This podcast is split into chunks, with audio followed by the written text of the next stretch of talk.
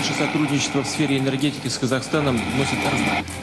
la longueur du dialogue que je viens d'avoir avec M. Poutine.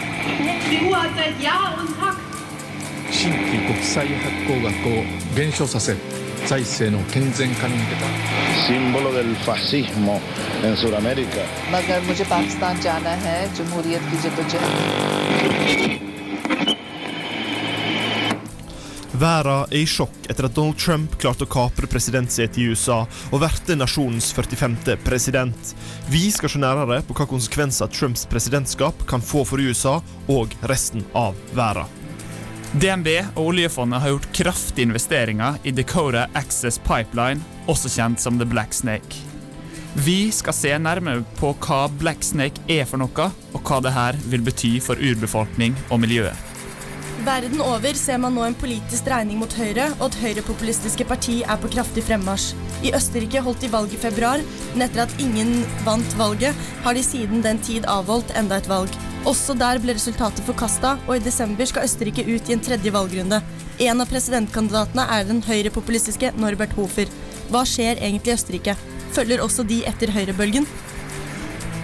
Kampen mot IS fortsetter med uforminska styrke.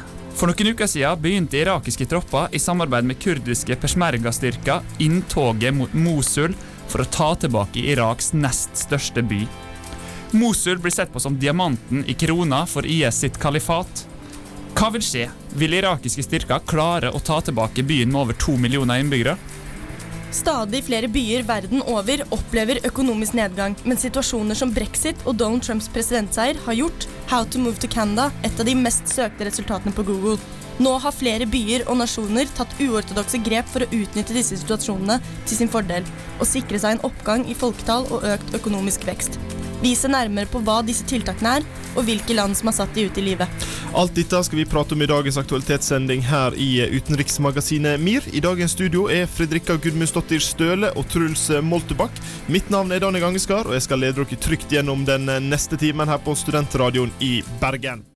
Velkommen tilbake til utenriksmagasinet MIR her på Studentradioen i Bergen. Natt til onsdag ble Donald Trump president i USA, og hva skjedde egentlig der, Fredrika?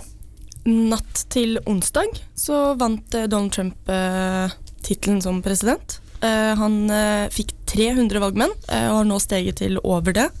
I tillegg har det blitt eh, republikansk flertall i Kongressen.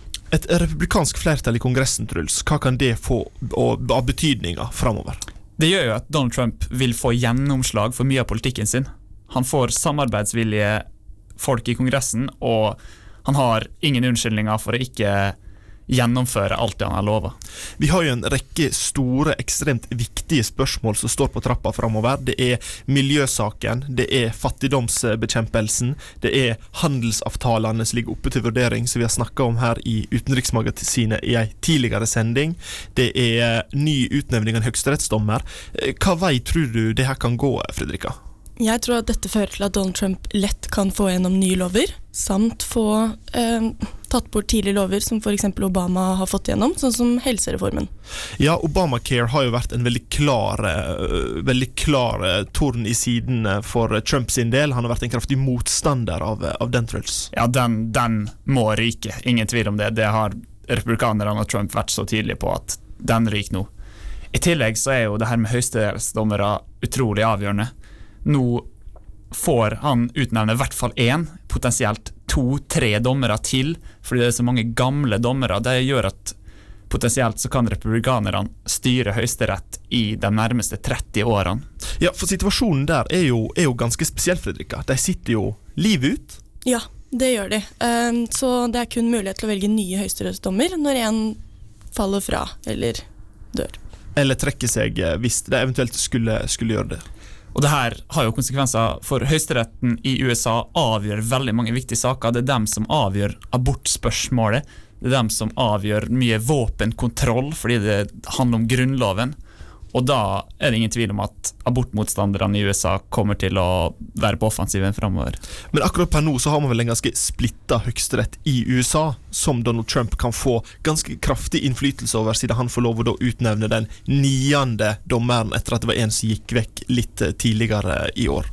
Ja, nå er det fire-fire. Altså det er fire liberale og fire konservative dommere.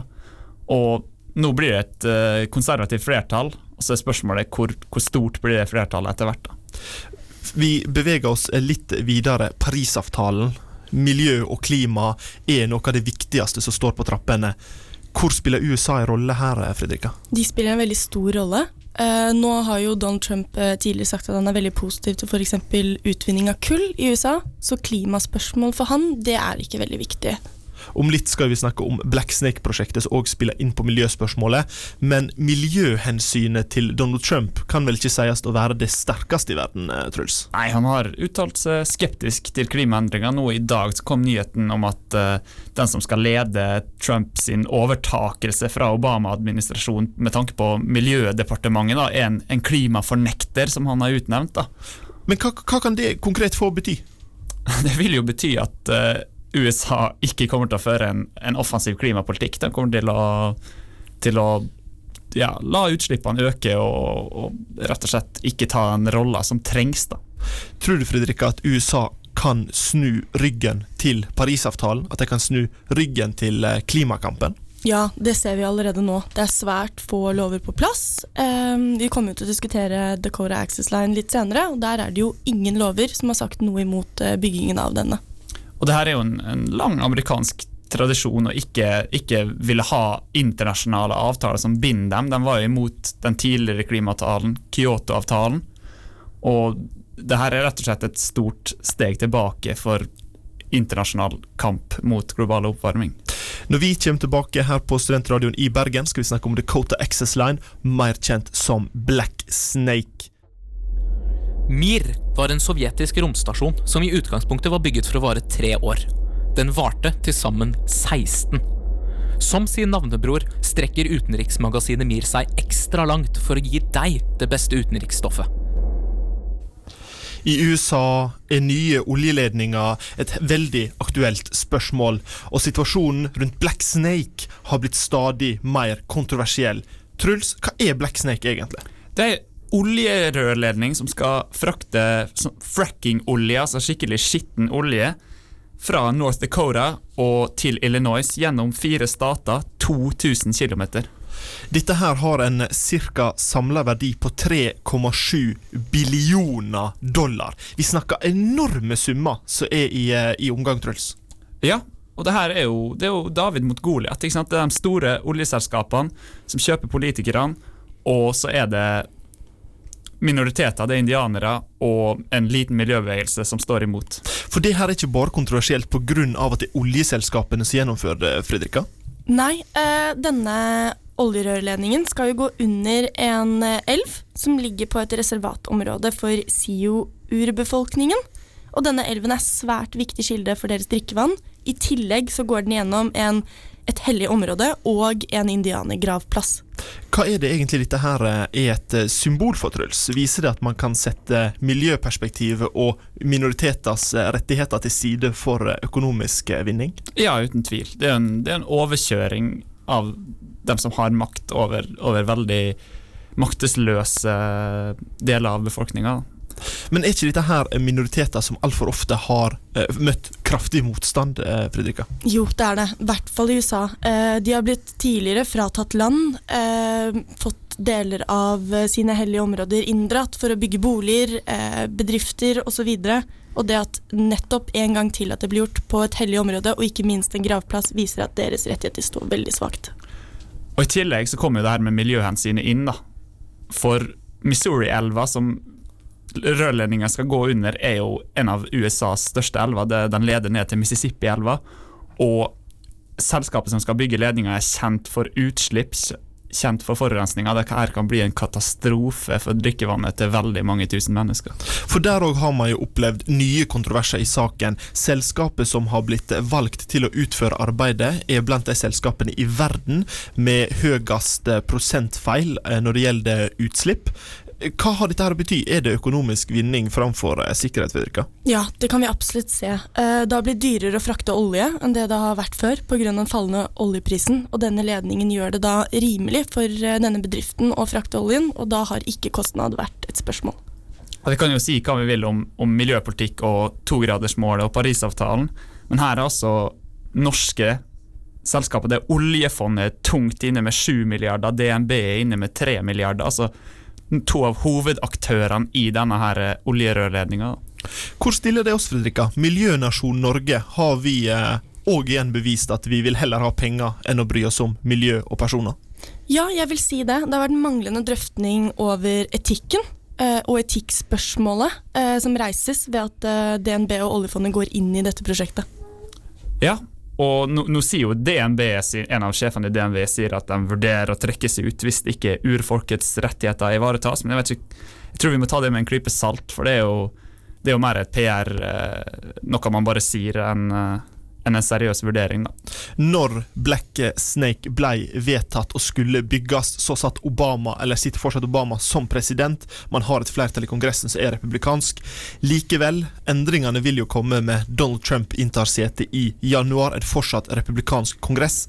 Truls, hva får det egentlig å bety for fortsettelsen av Black Snake? Vi var jo inne på det i forrige stikk du kan ikke forvente at en, en, klimafornekter og en som sier vi skal ha kull for alle penger, vi skal ha olje, vi skal ha amerikansk energi og jobber, du kan ikke forvente at han skal være en, en miljøforkjemper og en som tar vare på minoriteter sine rettigheter.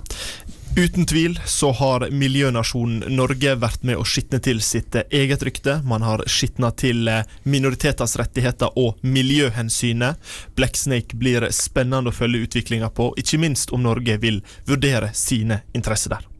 Når vi kommer tilbake, så skal vi snakke mer om presidentvalget i Østerrike. Austerrike. Hei, det er Marte fra Jentegarderoben. Du hører på utenriksmagasinet NYR. Det har eh, Marte helt korrekt i. Du lytter nå til utenriksmagasinet MIR her på Studentradioen i Bergen. I dagens studio er Truls Fredrikka og meg, Daniel. I februar avholdt Østerrike presidentvalg. Ingen av kandidatene oppnådde 50% og derfor måtte man avholde enda ei valrunde.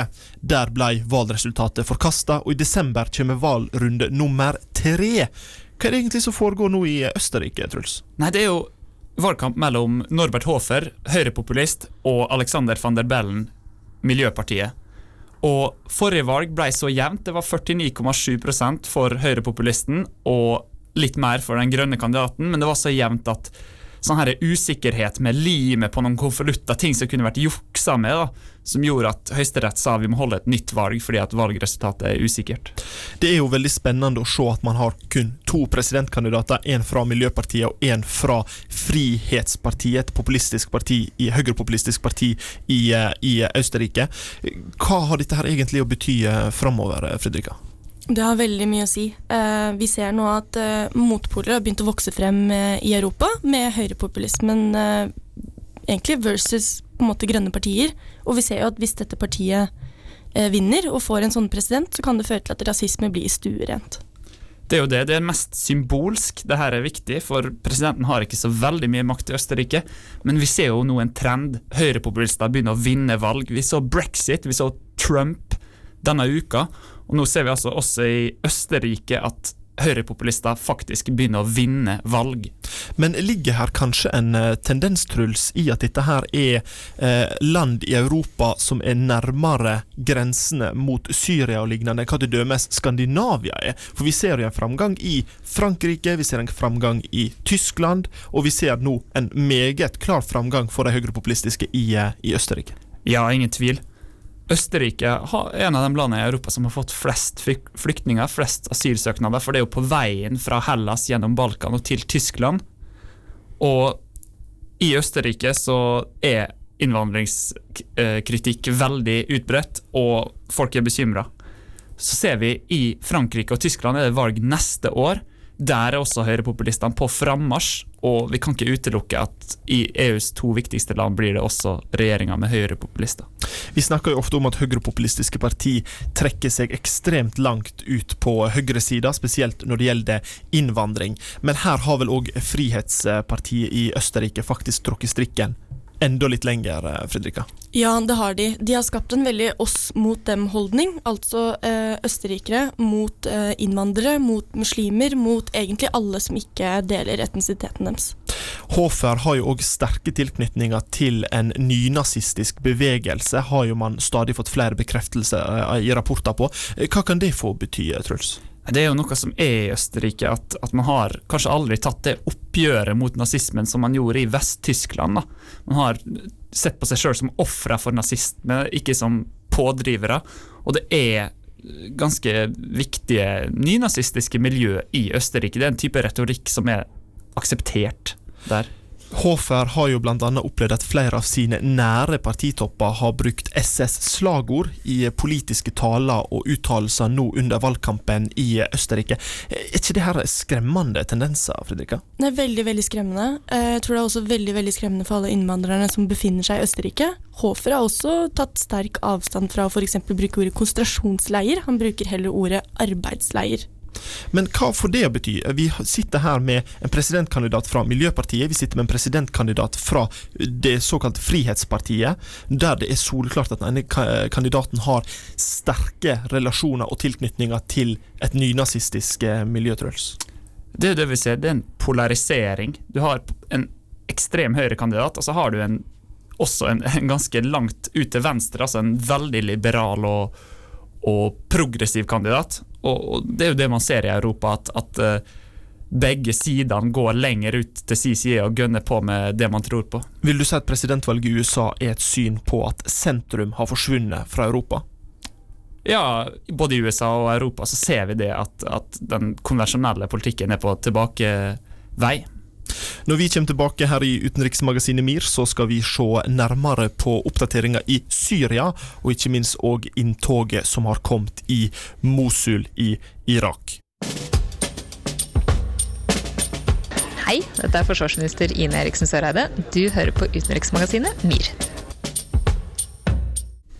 Kampen mot IS fortsetter stadig i ei uforminska styrke, men har kanskje nå fått et større gjennomslag enn på lenge. Irakiske styrker i samarbeid med peshmerga-styrkene er på vei inn i Mosul. Hva skjer, Truls? Det som skjedde for to år siden, var at IS plutselig hadde tatt Iraks nest største by. Det er en ganske utrolig historie, for IS hadde under 1000 soldater når de tok byen. Det som skjedde, var at uh, folk i Mosul var drittlei av den shia-muslimske regjeringa i Bagdad, og ville ha noen andre kasta ut regjeringa fra byen. For det vi nå ser er jo at eh, Mosul, som gjerne ofte har blitt betrakta for å være virkelig diamanten i krona for eh, kalfatet til, til IS, er, er faktisk under mulig eh, gjenopptagelse av eh, irakiske styrker, Fredrika. Ja, eh, Peshmerga-styrken og regjeringsstyrken har nå gått sammen og arbeider for å ta tilbake denne byen. Eh, per dags dato så har de fått kontroll over Bashika, som er en svært avgjørende by for å få kontroll på Mosuls innfartsårer. Og I tillegg har de per dags dato i dag kontroll av ca. fire av 60 nabolag i Mosul. Rapportene sier jo at styrkene til regjeringa og peshmerga er i klart overtall. Det er 100 000 styrker mot under 10 000 IS-soldater, og de frigjør nye landsbyer dag for dag, men det går sakte og sikkert. Men hva er det som da gjør at det, det går såpass eh, sakte, Truls? Det er jo en by med to millioner innbyggere. Det er utrolig mye sivile, og i tillegg så er det ufattelig vanskelig å skille hvem er IS-soldater, hvem er ikke. Man må nesten gå hus til hus, rett og slett. Vil du si at det man ser her nå er en mer forsiktig opptrapping av angrepene enn det man gjerne har gjort tidligere? Tidligere var det jo en rekke bombeangrep fra fly og lignende. Vil du si at nå har man tatt en mer forsiktig holdning for å spare sivile, men òg for å nøye kalkulert ta ut IS? Ja, uten tvil. Det her eh, er hovedsakelig ikke en bombekrig, ikke sant? Det er bakkesoldater som sakte, men sikkert tar tilbake Iraks nest største by. Vi snakker jo her om det vi igjen har nevnt flere ganger, er kanskje en av de viktigste byene for IS sin del, både symbolsk sett, men òg kanskje strategisk plassert sett, Fredrika. Vil dette her bety at IS er på en eh, tilbakegang? Ja, klarer de å ta tilbake Mosul, så jager det eh, IS-krigeren tilbake inn i Syria. De mister da denne svært viktige byen, uh, som de ser på som sitt kalifat. Uh, dette kommer også til å føre til nedgang av soldater som har lyst til å bli med, da. Men er dette her ei, ei betydning, eh, Truls? Ja, IS vi, Altså, det ryker Mosul, så er IS på vei tilbake. Det er åpent for alle å se. Og så er det jo en lang vei til Raqqa, som er IS-hovedstaten. Men IS det her vil være begynnelsen på slutten for IS, ingen tvil. Men ligger ikke her en viss spenning i at man har tidligere nærmest vært på vei inn, og så har man bare blitt slått tilbake, Fredrika? Jo, men nå ser vi at de har begynt å bruke mye mer taktikk når det kommer til å prøve å overta den byen. De får hjelp av amerikanske forsvaret på å legge en taktisk strategi rundt det her, og de prøver å omringe byen nå. I tillegg så er det jo det at kurdiske styrker og irakiske sikkerhetsstyrker klarer å samarbeide, har klart å forene seg mot en felles fiende. Det er jo alltids et usikkerhetsmoment, for det er uten tvil om at det er splittelser der også. Det er, ikke, det er ikke en enhetlig styrke som er i ferd med å ta Mosul, og etterspillet blir jo ufattelig interessant. Men hvor bør man få, hvor tenker du Truls, man bør få de internasjonale relasjonene inn her? Bør Norge, USA og lignende være med og gå kraftig inn i Mosul? De har jo støtta disse styrkene, koalisjonen, ved, med hjelp av opptrening og til en viss grad luftangrep. Og det, det, synes å fungere, for så vidt. Man, man, nedkjemper IS, og så er jo spørsmålet hvem er det egentlig man trener opp? Hva gjør dem når IS er vekke? Tror du Fredrika, at Mosul vil komme tilbake til irakisk styre? Ja, det tror jeg. Det som blir spennende, er å se etterspillet av det her, og hvem som da får kontroll over byen til syvende og sist. Når vi kommer tilbake, så skal vi snakke om litt utradisjonelle befolkningsløsninger rundt om i verden. For instance, there are prejudices about the age at which people can begin a new career. I will not make age an issue of this campaign. I am not going to exploit, for political purposes, my opponent's youth and inexperience. Det er aldri for sent å lære noe nytt. Utenriksmagasinet MIR hører du mellom 11 og 12 hver fredag på Studentradioen i Bergen. Ja, Velkommen tilbake til utenriksmagasinet MIR. I dagens studio er det Truls Fredrikka og meg, Daniel, som tar dere med videre fram til klokka er blitt tolv. Nå skal vi snakke om litt utradisjonelle befolkningsløsninger. Dette her er en sak som er blitt stadig mer aktuell. Og hvorfor er saken blitt mer aktuell, Fredrika? Vi har jo sett de siste månedene at det har vært en rekke eh, rystende ting som har skjedd. Eh, Bl.a. brexit, eh, høyrepopulistiske partiers fremvekst og nå Donald Trump som har blitt president. Og dette har gjort at eh, søk etter How to move to Canada, New Zealand, Australia har økt noe vanvittig på Google. For hva er det egentlig vi her eh, prater om, Truls? Det er jo en veld, veldig store deler av verden er det overbefolkning. Man vil ikke ha innvandrere, og sånne ting, men så er det noen steder der det er ledige hus, der det er ledige land, og de vil ha folk inne. Til og med villige til å spytte inn penger for å få det til å skje. Ja, for nå opplever vi faktisk nasjoner verden over som adverterer for at de tilbyr deg enten hus og landeiendom for å flytte dit, eller byer som tilbyr økonomiske insentiv for å flytte til byen. Hva, hva er opplegget, Fredrika? Vi ser jo i USA, Australia og New Zealand at uh, de gir folk tilbud om insentiver for å flytte dit. Det kan være på bakgrunn av at de prøver å befolke byen, eller befolke et område, eller skape ny vekst i byer som har gått ned. Vi har f.eks. en liten by i New Zealand som heter Kaitanga.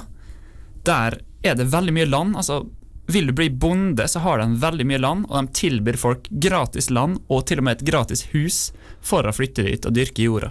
Ja, for det, det, vi ser at det er ikke bare nasjoner som er fattige og på vei nedover. Dette her foregår eh, på New Zealand, som er en, en relativt eh, middels nasjon. Men det foregår òg i Australia, Fredrika? Ja, det gjør det. Eh, mange byer i Australia og områder som kanskje er litt mindre befolket, har begynt å prøve å tiltrekke seg mennesker ved å gi dem eh, lån til å kjøpe hus, eh, lån til å pusse opp huset, eller insentiver som at de nedbetaler deler av studielånet ditt. Det her ser vi også på bygda i Canada, i Manitoba.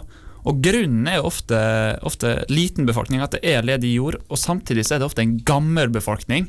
Man har mye eldre som bor igjen på bygda, mens, mens urbaniseringa har gjort at mange unge flytter inn.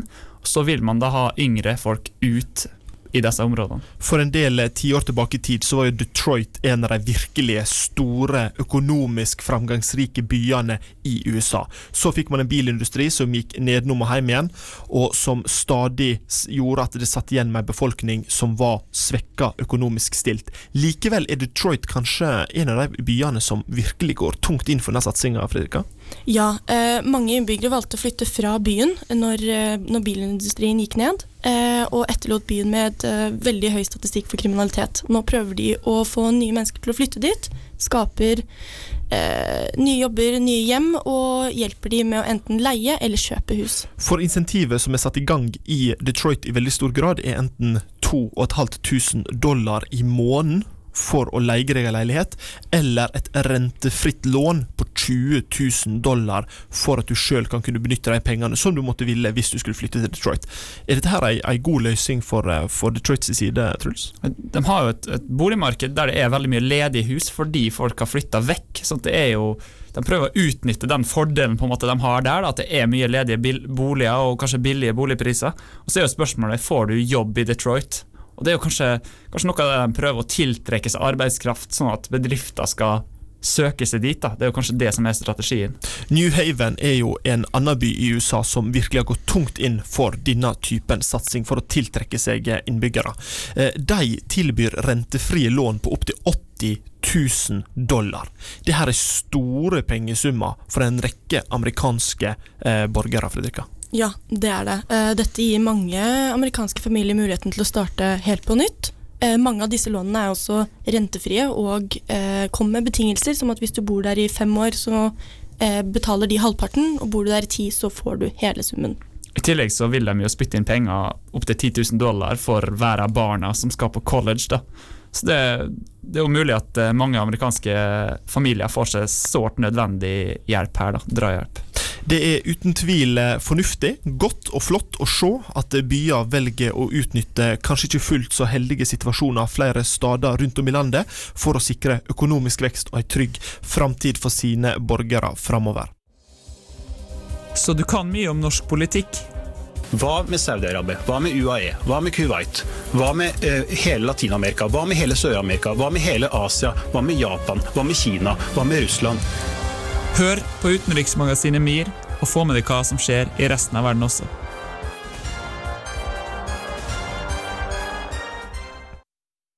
Tidligere i år ble det klart at Storbritannia skal forlate EU i det som blir kallet for brexit. Det førte bl.a. til statsminister David Camerons avgang. Nå skal vi få høre kommentar laga av vår medarbeider Magnus Nordahl Røtnes, som handler på hvordan utviklinga virkelig har gått for brexit. 2016 har vært et år hvor velgere over hele verden har overrasket alle og knust alle forventninger. I Colombia så vi at fredsavtalen mellom regjeringsstyrkene og FARC-geriljaen, som har vært i konflikt i nærmere 50 år, blir nedstemt i en folkeavstemning. Vi har sett at til alles store overraskelse så vant Donald Trump presidentvalget i USA, selv om alle meningsmålingene og statistikkene hadde vist at Hillary ville vinne. Men det var i Storbritannia at hele denne bølgen med overraskende folkeavstemninger startet, nemlig med brexit.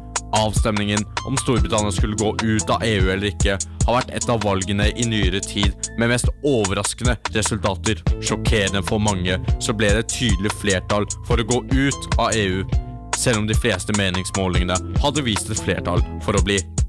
Dette skjedde sommeren 2016, og da er spørsmålet hvor er vi nå? Etter folkeavstemningen gikk David Cameron av som statsminister ganske raskt etter det han mente var et tydelig nederlag. Theresa May ble valgt som nye lederen av det konservative partiet, og kort tid etter som statsminister for Storbritannia. Hun har tydelig sagt at brexit betyr brexit, og at hun skal opprettholde folkeviljen og styre nasjonen trygt ut av EU. May har fått mye press på seg, både på hjemmefronten og fra internt i EU, om at hun må iverksette artikkel 50 i Lisboa-traktaten.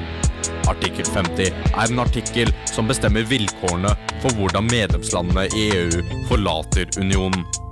Den sier at når artikkelen er aktivert, så har medlemslandet og EU to år på å forhandle frem en avtale med vilkår for hvordan unionen og medlemslandene skal forholde seg til hverandre. May har sagt at hun skal iverksette artikkelen innen mars 2017. Hun har også sagt at hun skal holde parlamentet oppdatert med hvordan hun skal forhandle frem denne avtalen, men hun har også sagt at hun ikke skal gi en løpende kommentar, noe som tilsier at hun ønsker å holde kortene tett til brystet. May gjør nok dette antagelig av grunnen for at hun skal ha mer forhandlingsrom når de reelle forhandlingene med EU starter. Selv om forhandlingene ikke har startet ennå, så har problemer allerede oppstått for Theresa May. The High Court, den høyeste førsteinstansdomstolen i Storbritannia, har erklært at parlamentet må godkjenne om man skal iverksette artikkel 50 eller ikke. Det betyr at regjeringen til May må ha et flertall i parlamentet før de kan iverksette artikkel 50 og begynne forhandlingene med EU. Problemene stopper ikke der. Jeremy Corbyn, lederen for Labour, sier at partiet hans ikke vil støtte en brexit om ikke Labour sine krav om en forsiktig utgang er møtt. Labour krever at man skal fortsette å ha mange av godene man får ved å være medlem i EU, som bl.a. fri flyt av arbeidskraft. Dette minner om hvordan EØS fungerer i dag. Det kan fort hende at May finner seg i en posisjon hvor hun må få hjelp fra Corbyn og Labour, noe som gjør at hun mister mye makt over forhandlingsprosessen. Slik som situasjonen er nå, er May forsiktig med hva hun sier om forhandlingsstrategiene sine, og hun ønsker å holde flest mulig dører åpne. Det vil bli spennende å se hvordan May sin forhandlingsstrategi kommer til å utvikle seg, og hva konsekvensen av Storbritannias utgang av EU kommer til å bli i det lange løp. Mitt navn er Jørgen, og mens du sitter der og koser deg med det beste utenriksstoffet studentradioen har å tilby, sitter jeg i produsentboden og prøver å finne ut hva i all verden jeg skal gjøre med livet mitt. Ja, vår kjære produsent Jørgen har jo som alltid rett. Du lytter til utenriksmagasinet MIR her på Studentradioen i Bergen. Nå er dessverre som alt annet godt her i livet dette her og kommet til veis ende. Og Fredrika, hva har vi vært innom i dag? I dag har vi snakket om Donald Trumps valgseier, og hvilken betydning det kan få for Parisavtalen og utnevnelse av høyesterettsdommere. I tillegg har vi snakket om eh, oljerørledningen Black Snake i USA, som bryter miljøhensyn og minoriteters rettigheter. I tillegg til at Norge sitter med store økonomiske interesser i prosjektet. I Østerrike blir det nytt presidentvalg i desember.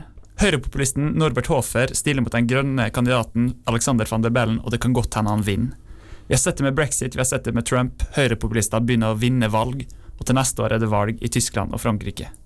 IS har holdt Mosul i to år, men nå holder en koalisjon av irakiske og kurdiske styrker på å drive dem ut av byen. Så er spørsmålet hva skjer når IS er ute av bildet? I tillegg har vi snakka om litt utradisjonelle befolkningsløsninger, der vi har sett nasjoner og storbyer verden over komme på bane for å sikre seg økonomisk vekst og befolkningsauke. Husk at du kan finne flere av våre podkaster på srib.no eller iTunes. Der kan du finne sendinger som omhandler Island, framtidas krigføring, Venezuela eller kanskje ei forhåpentligvis prisbelønna Colombia-sending framover i tid en gang. Tusen hjertelig takk til Fredrikka Gudmundsdottir Støle og Truls Moltebakk for at dere kom her i studio med meg. Tusen hjertelig takk til vår kjære produsent Jørgen Berner Wilhelmsen. Husk at dere kan finne oss på sosiale medium som Twitter, Facebook, Instagram. Og i tillegg må vi takke for ukas kommentar levert av vår medarbeider Magnus Nordahl Røtnes. Mitt navn er Daniel Gangeskar. Etter oss kommer Plutopop her på kanalen. Ha ei strålende helg.